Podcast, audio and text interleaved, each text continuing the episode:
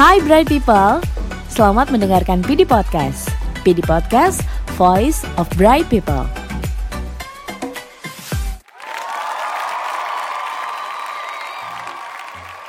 Selamat pagi Bright People Apa kabar hari ini?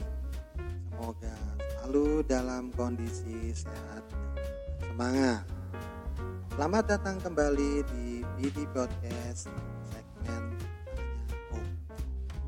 Setiap minggunya seperti biasa Om akan menjawab segala kegundahan kalian seputar asuransi jiwa di setiap sesinya, Om akan membahas tiga pertanyaan terpilih yang masuk melalui Instagram PD underscore people development.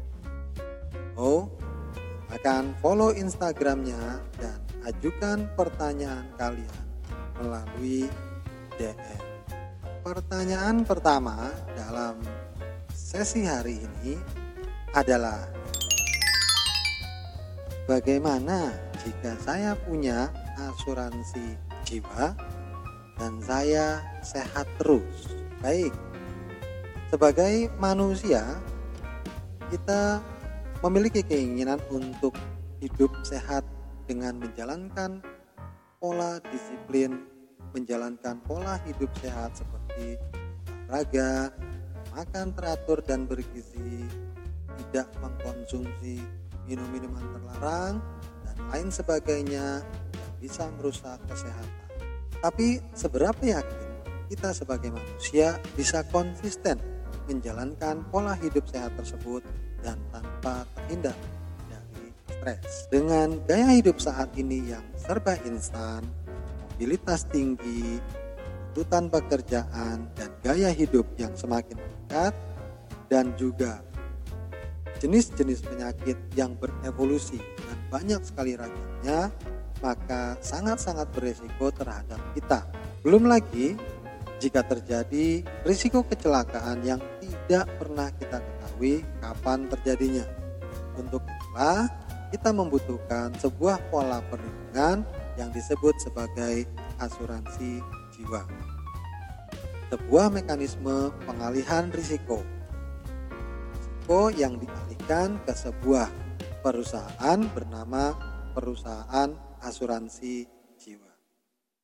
Nah, bagaimana jika nasabah atau orang-orang merasa rugi untuk membeli asuransi? Nah, saat ini banyak sekali tersedia produk-produk asuransi jiwa yang bisa memberikan pengembangan dari premi yang dibayarkan ataupun pengembalian premi. Salah satunya disebut dengan asuransi jiwa unit link, sebuah produk keuangan yang menggabungkan dua instrumen keuangan yakni perlindungan atau asuransi dan juga investasi. Perlindungan yang seperti apa? Perlindungannya nanti bisa diberikan secara optimal sesuai dengan kebutuhan perlindungan yang dimiliki oleh nasabah. Bagaimana dengan investasi? Investasinya juga bisa nanti dioptimalkan sesuai dengan tujuan dari investasi dan bagaimana profil dari tersebut. Bagaimana? Was? Pertanyaan kedua, kalau nasabah sudah memiliki asuransi jiwa yang pembayarannya secara berkala atau reguler, bagaimana atau apa akibatnya jika terlambat membayar premi? Eh, seperti yang sudah kita ketahui bersama, ketika kita ketika nasabah membeli produk asuransi, maka nasabah memiliki kewajiban untuk membayar premi sesuai dengan perjanjian yang telah disepakati sesuai dengan prinsip-prinsip asuransi jiwa yaitu prinsip kontribusi. Nah, bagaimana jika nasabah sebagai pemilik polis sebagai tertanggung kemudian memiliki kesulitan secara finansial yang mengakibatkan premi tidak dibayar atau premi terlambat dibayar. Beberapa perusahaan asuransi jiwa bisa memperlakukan polis nasabah menjadi tidak aktif ataupun ada juga tergantung dari produk-produknya yang memperlakukan apakah polis ini tetap berlaku tapi dengan pinjaman polis. Ada juga polis-polis dalam bentuk asuransi unit link yang ada investasinya memberikan kesempatan kepada nasabah untuk melakukan yang namanya cuti premi atau berhenti dulu dari kewajiban membayar premi. Di beberapa kemungkinan jika terjadi nasabah tidak membayar premi. Bagaimana untuk bisa menghindari nasabah terlambat membayar atau tidak membayar premi? Untuk itu di beberapa perusahaan asuransi teman-teman dan nasabah bisa melihat bahwa banyak sekali perusahaan asuransi jiwa memanfaatkan fasilitas auto debit rekening atau auto debit kartu kredit yang akan otomatis membayarkan atau memotong premi dari rekening atau dari kartu kredit pada tenggat waktu pembayaran yang telah disepakati untuk menghindari lupa atau terlambat membayar premi. Gimana? Was?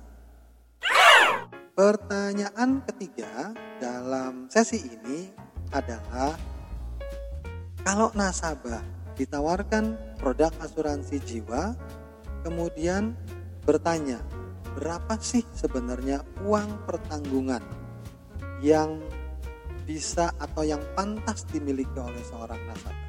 Untuk menjawab hal ini ada berbagai macam pendekatan untuk menghitung atau membantu nasabah memiliki uang pertanggungan atau jumlah perlindungan. Salah satunya yang paling mudah dilakukan adalah pendekatan berapa kebutuhan per bulan yang dimiliki oleh nasabah. Tanyakan kepada nasabah berapa kebutuhan per bulan yang dikeluarkan untuk memenuhi kebutuhan sehari-hari. Kemudian kalikan jumlah kebutuhan yang disebutkan atau disampaikan oleh nasabah dengan tingkat suku bunga perbankan yang berlaku pada saat ini. Contoh, kalau ternyata nasabah bilang bahwa pengeluarannya setiap bulan adalah 10 juta dan tingkat suku bunga saat ini adalah 5%, contoh dihitung rata-rata, maka kita kalikan 10 juta dibagi. Maaf dibagi bukan dikalikan dengan tingkat suku bunga perbankan. Hasilnya contohnya adalah 2 miliar maka itu adalah jumlah yang harus dimiliki oleh jumlah uang pertanggungan yang minimal harus dimiliki oleh nasabah. Apa tujuan besarnya uang pertanggungan dengan pendekatan kebutuhan tersebut jika terjadi risiko terhadap si nasabah meninggal dunia kemudian keluarga sebagai penerima manfaat akan menerima uang pertanggungan sebesar 2 miliar tersebut maka harapannya sekali lagi harapannya maka keluarga akan bisa memanfaatkan uang pertanggungan yang diberikan oleh perusahaan asuransi kepada penerima manfaat sebagai berikut. Manfaat uang pertanggungannya kemudian oleh keluarga disimpan kembali ke dalam instrumen deposito perbankan yang jika nanti setiap tahunnya mendapatkan tingkat pengembalian suku bunga dengan kira-kira suku bunga yang sama tadi 5% maka nasabah atau keluarga nasabah yang ditinggalkan oleh si oleh si penanggung akan mendapatkan bunga dari pengembangan uang pertanggungan yang ditempatkan dalam deposito. Yang kalau dibagi 12 artinya pengeluaran setiap bulan akan terpenuhi dan akan tetap terpenuhi dan terjaga sehingga keluarga yang ditinggalkan tidak mengalami kesulitan. Nah, was Nah, itu tadi tiga pertanyaan terpilih yang ditayangkan sesi kali ini di segmen Tanya Om. Kalian yang pertanyaannya ditayangkan di segmen Tanya Om berhak untuk mendapatkan poin tada. Kalian bisa cek poin tadanya di Real Action Tada. Bagi teman-teman yang belum mengirimkan pertanyaan, silakan tulis pertanyaan Anda via Instagram PD underscore people development via DM. Setiap sesinya ada tiga pertanyaan yang akan ditayangkan dan berhak untuk mendapatkan poin tada. Nantikan sesi tanya om selanjutnya. See you bright people.